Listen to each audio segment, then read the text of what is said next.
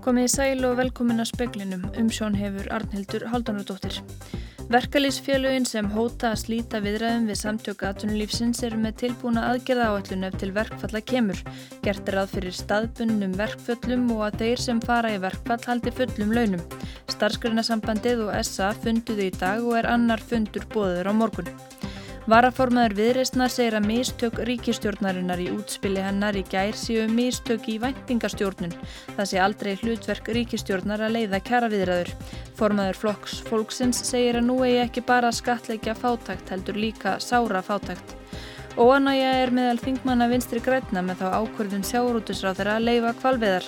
Rósa Björk Brynjólfsdóttir hefur formlega farið fram á að sjávarútusráð þeirra mæti á fund umhverfis og samgöngunemndur alþingis til að ræða ákvörðunna.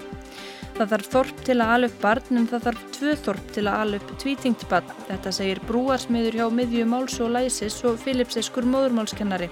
Tæplega 15 barna í leikskólum Reykjavíkur talar tvö eða fleiri tungumál og íþrótta þvætti er nýtt hugtaki við það þegar vafasamir karakterar vilja böða sig í ljóma íþrótta og hvít og laskað orðspor. Starfsgrunasambandið ákvaða býða með að vísa kjaradeilu þeirra við samtök aðtunulífsins til ríkisáttasamjara. Samninga nefndir starfsgrunasambandsins og samtaka aðtunulífsins hittust á fundi í dag. Annar fundur hefur ákveðin á morgun, segir Björn Snæbjörnsson, formaður starfsgrunasambandsins. Við vorum að fara yfir svona kröfugerðin okkar og þá punta sem báðir aðalega hefðu verið að ræða núna undanförnum dögum og vikum og, og skerpa aðeins á málunum. Þegar við hafðum velt upp þeim möguleika að, að, að vísa til ríkisáttusemjara en það er ekki upp á teininginu núna eftir þennan fund? Nei, það er reyndar eitt af því sem við ræðum alltaf svona, og metum stöðun eftir hvert fund og við munum auðvitað meta þá stöðu líka eftir fundin á morgun. Finnst þér eitthvað verið að mjagast? Eh, menn allavega menn menn ræða saman og, og reyna að finna leiðir að þá er alltaf, alltaf von og auðvitað nær þetta á endanum að þá, þá, þá náum við saman en það er svolítið það en þá. Haldur Benjamin Þorbergsson er framkvæmtastjóri samtaka á Andurlunlífsins. Það eru hlutir sem báðir aðeinar þurfa að taka afstöðu til eftir þennan fund. Hvað með fundin á morgun með uh, þessum fjóru félögum sem að þið eru að funda með hjá Ríkisáttasemjara, hvernig líst þér á hann? Já, það er fundur á Ríkisáttasemjara að bóða þeirri deila á morgun sem er þá fyrsti fundurinn eftir útspil ríkistjórnarinnar í gær. Þess má vænta að það útspil muni hafa áhrif inn í þær viðræður. Fundurinn á morgun mun snúast um með hvað hætti það útspil muni hafa áhrif á viðræðunar og hvert framhald viðræðina getur orðið í framhaldi. Nú að félagina fulltrú þeirra lísti yfir að ef ekkert nýtt koma frá ykkur á morgun þá verði líklegt að þeim munum slíta viðræðum. Erum að fara búastu ykkur nýju frá ykkur?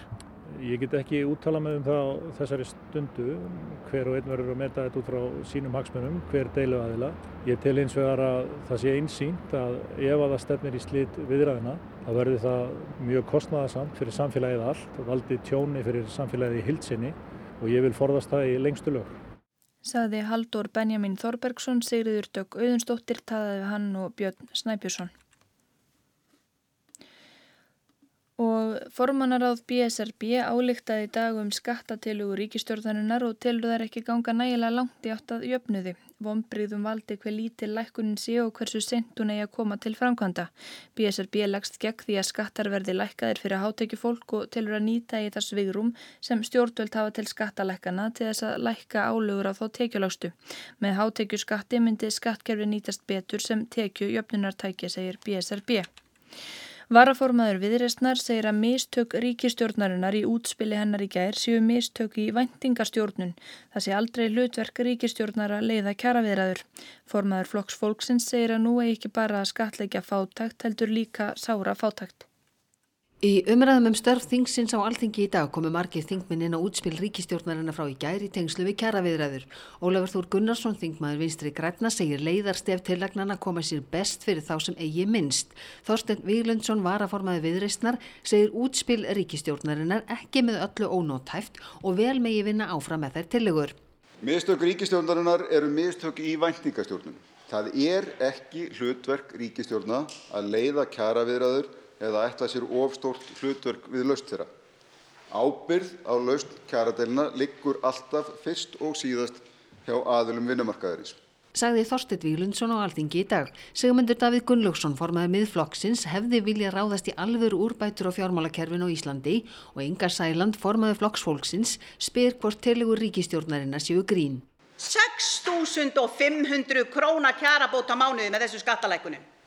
Er þetta grín? Það er enn verið að skatleggja fátækt. Nú er sára fátæktin byrjuð að skatleggjast við krónur 160.000 á mánuði. Saði Inga Sæland á Alþingi í dag. Jóhanna Viti Sjaldadóttir tók saman og nánar verður fjallað um kjaravirðarnar síðar í speklinu. Umhverjastofnun hefur kynnt áformum að friðlýsa dranga á ströndum sem óbyggð viðerni. Áformin eru kynnt í samstarfi við landeigendur og sveitarfélagið Árnæsrepp. Jörðin drangar er yfir 100 ferkilometrar að flatarmáli og nær frá hápungu drangajökuls að sjó á milli Bjarnarfjörðar og Drangavíkur. Framkemur á vef stjórnaráðsins að landslægi þar sé tilkomi mikið jarðfræði fjölbreytilegu og gróður far sérstakt. Bjarkæi Olsen Gunnarsdóttir, þingflokksformaður vinstri grætna, segir ákverðun sjávarútesráðara um áframhaldandi kvalveiðar valda miklum vonbreyðum og segir enga útreikninga sína hver áhrifin geti orðið á kvalaskoðunar fyrirtæki eða ferðarþjónustunni heilt. Rósa Björk Brynjólfsdóttir, flokksistir hennar, tekur í sama streng og segir þjóðarbúið skadast af áframhaldandi kvalveiðum. Hún hefur formlega farið fram á að sjávarútesráðara mæti á fund umhverfis og samgungunemndar alþingis til að ræða þessa ákverðun. Þessi ákvörðun er þeirri sem að hér stendur mikil vonbrið og ég spyr mig hverju það þjónar að veita slík leiði.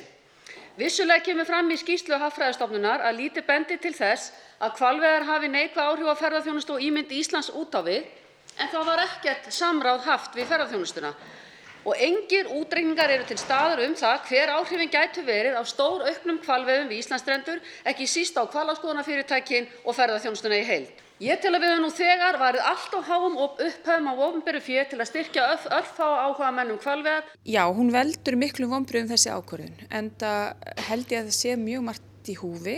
Uh, samtök ferðarþjónustunar hafa mótumælt uh, áframhaldandi hvalveiðum. Við út frá líka dýravendunasjónamöðum og umhverfisvendarsjónamöðum þá eru við í vinsti grænum við höfum verið hérna, móti áframhaldandi kvalviðum. Þannig að það eru ekki kannski miklir hagsmunir, heildar hagsmunir þjóðarbúsins undir. E, þvert á móti þá frekar kannski e, í hináttina að, að þjóðarbúi skadist frekar af því að halda áfram kvalviðum sagði Rósa Björk Brynjólfsdóttir, Jóhanna Veitis Hjaltadóttir talaði við hana. Áður talaði Bjarka í Olsen Gunnarsdóttir á alþengi í dag og Guðmundur Ingi Guðbrandsson lísti vonbriðum sínum með ákveðun Kristjáns Þórs Júliussonar í samtali við fréttastofuna í dag. Vladimir Putin fórseti Rúslands varaði bandaríkjaman við því í dag að setja upp flugskeiti í Evrópu og saðist líta á slíkt sem mikla ógn. Þetta kom fram í stefnuræðu hans í þinginu. Ræðan var 90 mínútna laung og hvaðast hann ætla að bæta hag barnafjölskyldna. Bandaríkjamenn og síðar rússar sögðu sig frá samningi um takmörkun miðaldrægra kjarnorkuflöga í byrjun mánadarins. Samningurinn var gerður árið 1987 og þótti marka mikil tímamót eftir spennu árana á undan þegar kaldastiði stóði yfir. Россия будет вынуждена создать и развернуть виды вооружений, которые могут быть использованы не только в отношении тех территорий, с которых для нас будет исходить соответствующая прямая угроза. Rússar eru tilneytir til að koma upp vopnum sem verð ekki aðeins notu gegn svæðum þar sem ógnir eru, heldur verði þeim einni beint að svæðum þar sem ákvarðanir um notkunn flugskeita gegn okkur eru teknar, sagði Pútín í ræðunni. Hún var 90 mínútna laung. Í henni fjallaði fórsetin einni um stöðu almennings í Rúslandi. Hann sagði að það var í sorgleg staðreint að 19 miljónir rússa lifu undir fátæktamörkum, því allir ríkið að breyta sem fyrst. Hann bóðiði aukinn stuðning við barnafjölskyldur og benti á að fæðingartíðin í landinu hafi lækkað um 11% síðan árið 2017. Pútín hefur verið fórsetið landsins rúm 18 ár. Vinsældir hans hafa dvínað eftir að hann kynnti hugmyndi sínar um hækkun eftirlauna aldurs. Hann naut stuðnings 76% að rúsa í fórsetakostningum í fyrra en samkvæmt nýleri könnun stefja nú um 64% fórsetan. Dagni Hulda Erlandsdóttir tók saman. Aðgerða áætlun likur fyrir um hvar og hvenar bóðað verður til skæru verkfalla ef félagsmenn eru tilbúinir að hefja verkfall. Ef til staðbundina verkfalla kemur er stemt að því að þeir sem fara í verkfall verði áfram á fullum launum. Formen verkalýsfélagna sem hafa vísað kjaradilinu til sáttasemjara, eblingar var ferri verkalýsfélags Akranes og Grindavíkur hafa ítrekka veifað verkvælsofninu og hóta að gripi verið til verkvælsaðgerða til að knýja fram kröfur félagana. Ef að stjórnvöld fari ekki að taka þessa umræðu og, og kröfu græsróturinnar alvarlega að þá verða átökjörna upp úr áramótum sem hafi ekki sérst í ára tugi og við erum ekki að tala um allseraverkvöld. Hér er þetta að loka stopnunum með því að, með því að hérna, uh, ræsta þeir ekki þrjá daga. Hér er þetta að loka flugöllum uh, með hérna, afgryslu fólki eða hlæðslu fólkinu eða þeim sem að er að fylla vélarnar á bensinni. Það er þetta að gera og með, með, með, með kannski bara 10-20 manns. Saði Ragnar Þór Ingólfsson formadur var ferr fyrsta mægi í fyrra. Eftir að ríkistjórnir sínda á spilinni gær hafa líkutar á verkvöllum aukist. Líklega atbyrjar ása á þessari stundu er að félögin fjögur slíti viðraðum og hefji undirbúninga bóðun verkvalla. Vissulega getur staðan breyst þegar að félögin mæta á fund með SA hjá ríkisátarsemjar á morgun. Atvinnureikundur gætu lagt fram nýtt tilbóð og ríkistjórnir gæti komið með nýjar tilugur í skattamálum. Uppálegu krafa verkefliðs reyfingarinnar þegar litir á launaliðin var að lámaslaun verði komin í 425.000 krónur í lóku samningstímans sem er í þrjú ár. Miða við 300.000 krónar lámaslaun myndu mánalaun hækka um rúmlega 40.000 krónur árlega á samningstímanum og SA laði fram tilbúða á samningafundi með félagunum fjórum um þryggjára samning og að lámaslaun eða launatrygging er í 340.000 krónur í lók samningstímars. Mánaðalaun undir 600.000 krónum myndu hækkum með 15.000 krónur árlega og að auki legðist 5.000 krónur á takstalun. Miðað yrði við prósenduhækkunu 2,5% á laun yfir 600.000 krónum á mánuði. Félugin svörðuð með gagtilbúði. Aðeins var slegið að uppalugum kröfum. Lámaslaun er þið 400.000 í lok samlingstímans og mánagalaunin myndu að hækkum 37.500 krónur árlega á samlingstímanum. Þessar tilugur sem laðar voru fram í dag eru óaðgengilegar fyrir samtök aðtunlífsins og verða ekki grundvöldur að kjara samningi. Sagði Haldur Benjamin Þorbergsson, frangvaldastjóri SA, eftir að atvinnureikandur höfnuðu gagtilbúðinu á nokkuð eindregin hátt. Það er ekki stemt að bóðun allserjar verkvalla heldur skæruverkvalla eða staðbunduna verkvalla, verkvöld þar sem er tiltekin hópur á tilteknu vinnustad færi verkvall. Ef fjölveginn fjögur slíta viðraðum á morgun og hefja undurbúning verkvalla gæti það tekið tvær til þrjár vikur. Laugin hveð áum að atkvæðagreisla verða að fara fram um verkvallsbóðun Í setni tíð hefur farið fram rafræn kostning og meiri hluti þeirra sem greiðir atkvæði nægir til að bóða verkvall. Þegar um staðbundin verkvall er að ræðan verður að fara fram atkvæðagreisla meðal þeirra sem fara eða færu í verkvall. Ef meiri hluti er fyrir verkvalli þarf að tilkynna ríkisáttarsemjaran og þeim sem verkvallið beinir stað með sjö daga fyrirveran. Allt þetta ferli getur tekið tvær til þrjár vikur. Verkalýsfélagin fjögur ganga í takt og hafa nota tíman vel til að skipuleika mögulegar aðgerðir. Hugsalegt er að fleiri fjölu bætist í hópin, framsýna á Húsavíki stefnir að því að vísa deilinu til að sátta sem er á morgun og segja skili við fjölugin innan starfsgrunarsambansins sem ræða enn við SA án ríkisátta sem er á. Það mun gerast ef SGS verður ekki búið að vísa fyrir klukkan 5 á morgun. Og það er tilbúið aðgeraplan sem ekki fæst uppgefið að eh, hvaða vinnustöðum staðbundi verkvöldu muni beinast. Ekki er ólíklegt að þau beinist gegn til dæmis höfnum og tilteknum sviðum ferðarþjónustunar.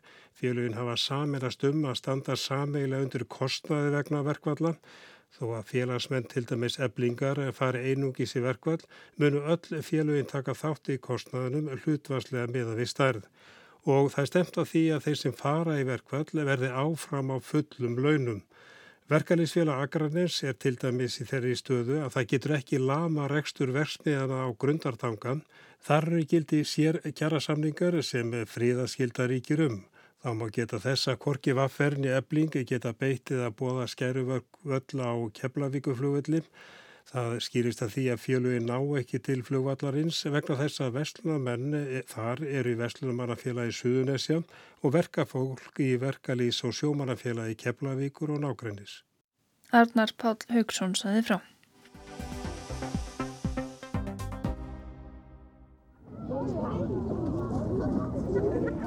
Tæplega eitt af hverjum fimm leikskólabörnum í Reykjavík er af erlendum uppruna.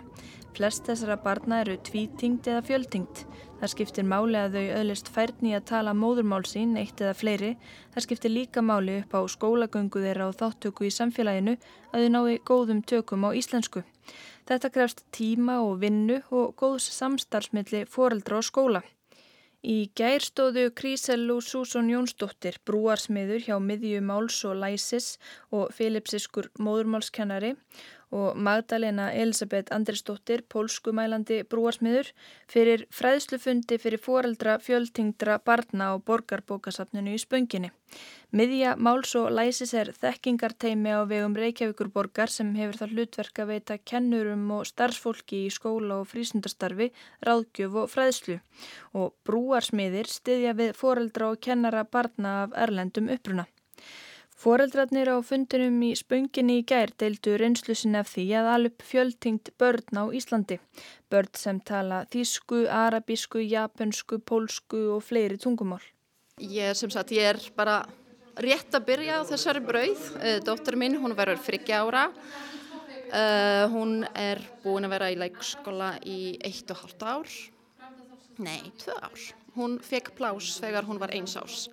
Anna-Maria Mívos frá Pólandi er einn þeirra sem satt fundin. Hún er ánað með leikskólan, segist fá mikinn stuðning þar. Anna-Maria talar pólsku við dóttu sína en pappi hennar sem er íslenskur talar íslensku við hana. Þegar fjölskyldan er hlut af stærri hóp þar sem allir er að ræða sama málefni á íslensku talar Anna-Maria líka íslensku við dóttu sína. Hún reynir að sjá til þess að dótturinnar fái tækifæri til að tala pólsku utan skólans.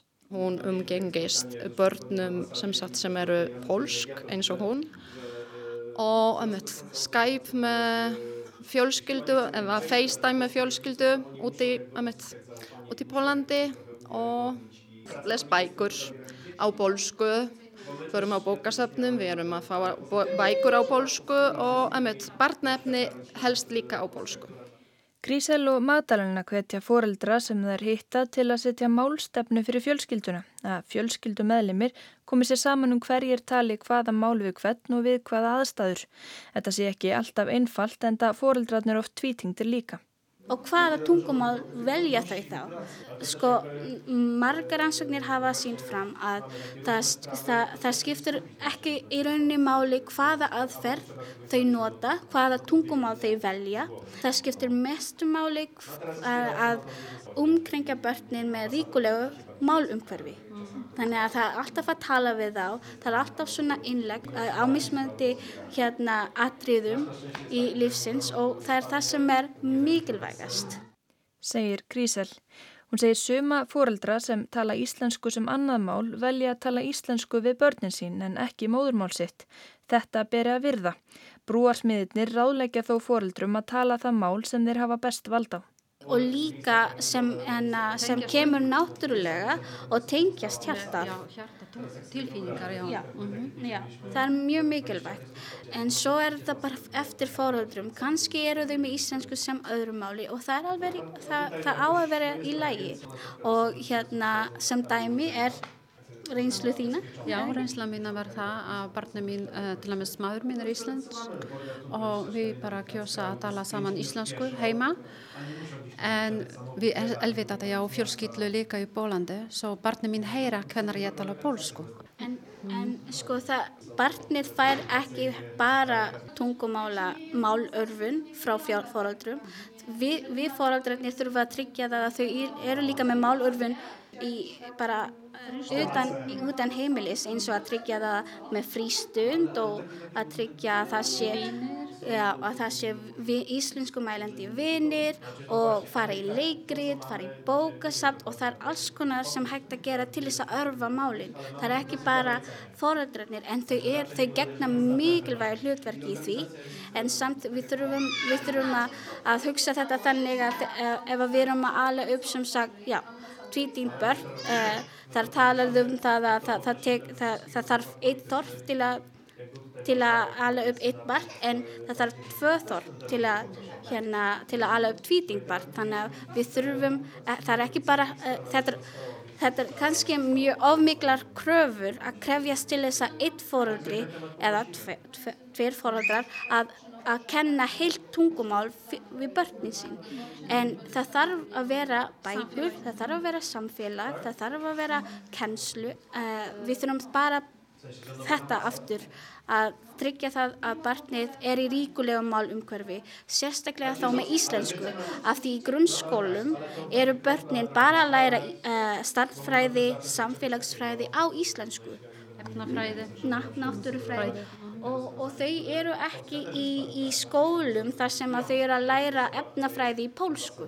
Það er engin skóli þannig hér á Íslandi og þess vegna þurfum við að tryggja það að akademisk tungumál barnana er líka sterkt uh, í grunnskólum. Þetta hljómar eins og mikil vinna fyrir foreldra að tryggja aðgeng eh, barnana að tveimur þorpum, tveimur samfélagum Já. og að tryggja allan ennan tíma sem þarf mm -hmm. og endurtekningar, þú veist, bæði íslensku og, og eins og þú nefndir að, að hérna, barnið þitt tala fjögur tungumála þá kannski þarf fjögur þorp eða hvað? Já, algjörlega. Uh, þess vegna, þú veist, ég sko, eins og í fjölskyldunum minni þá tala ég bara filipsísku við barnið og maðurinn minn sem er frá Spáni hann talar spænsku við barnið okkar og við hjónin við tölum saman ennsku og við tölum íslensku í samfélaginu.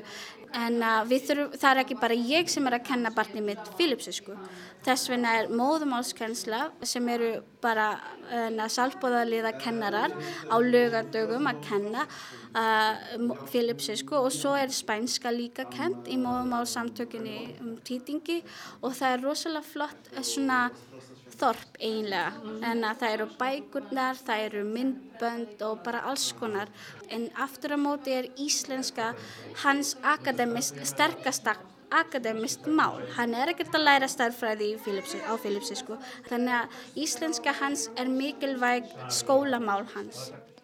Rannsóknir sína nefnendum sem tala íslensku sem annað mál farnast veri í skólakerfinu og þeir fara síður í framhaldsskóla. En hvað þarf að gera til þess að breyta þessu? Krísel segir að lausnin fylgst ekki í því að stiðja annað hvort betur við móðurmálbarnana eða íslenskuna.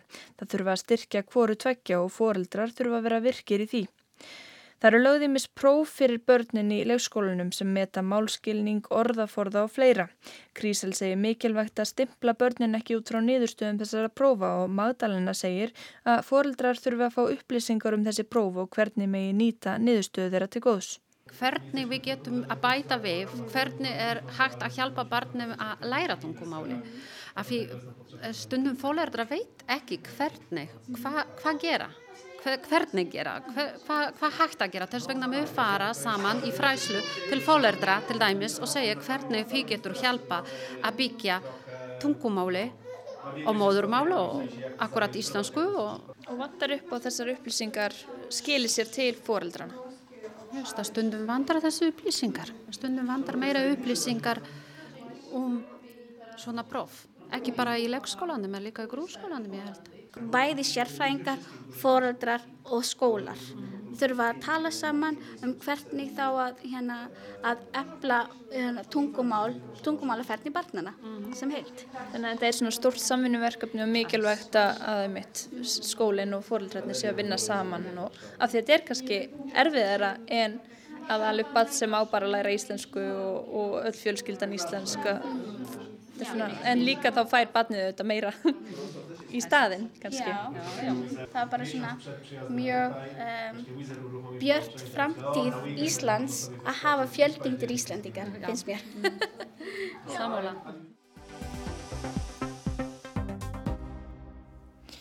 Íþrótta þvætti er nýtt hugtak sem notaður um eigendur og styrtaraðala íþróttafélaga og þá einhverjum fótboltafélaga sem vilja bæta laskaða ímynd sína.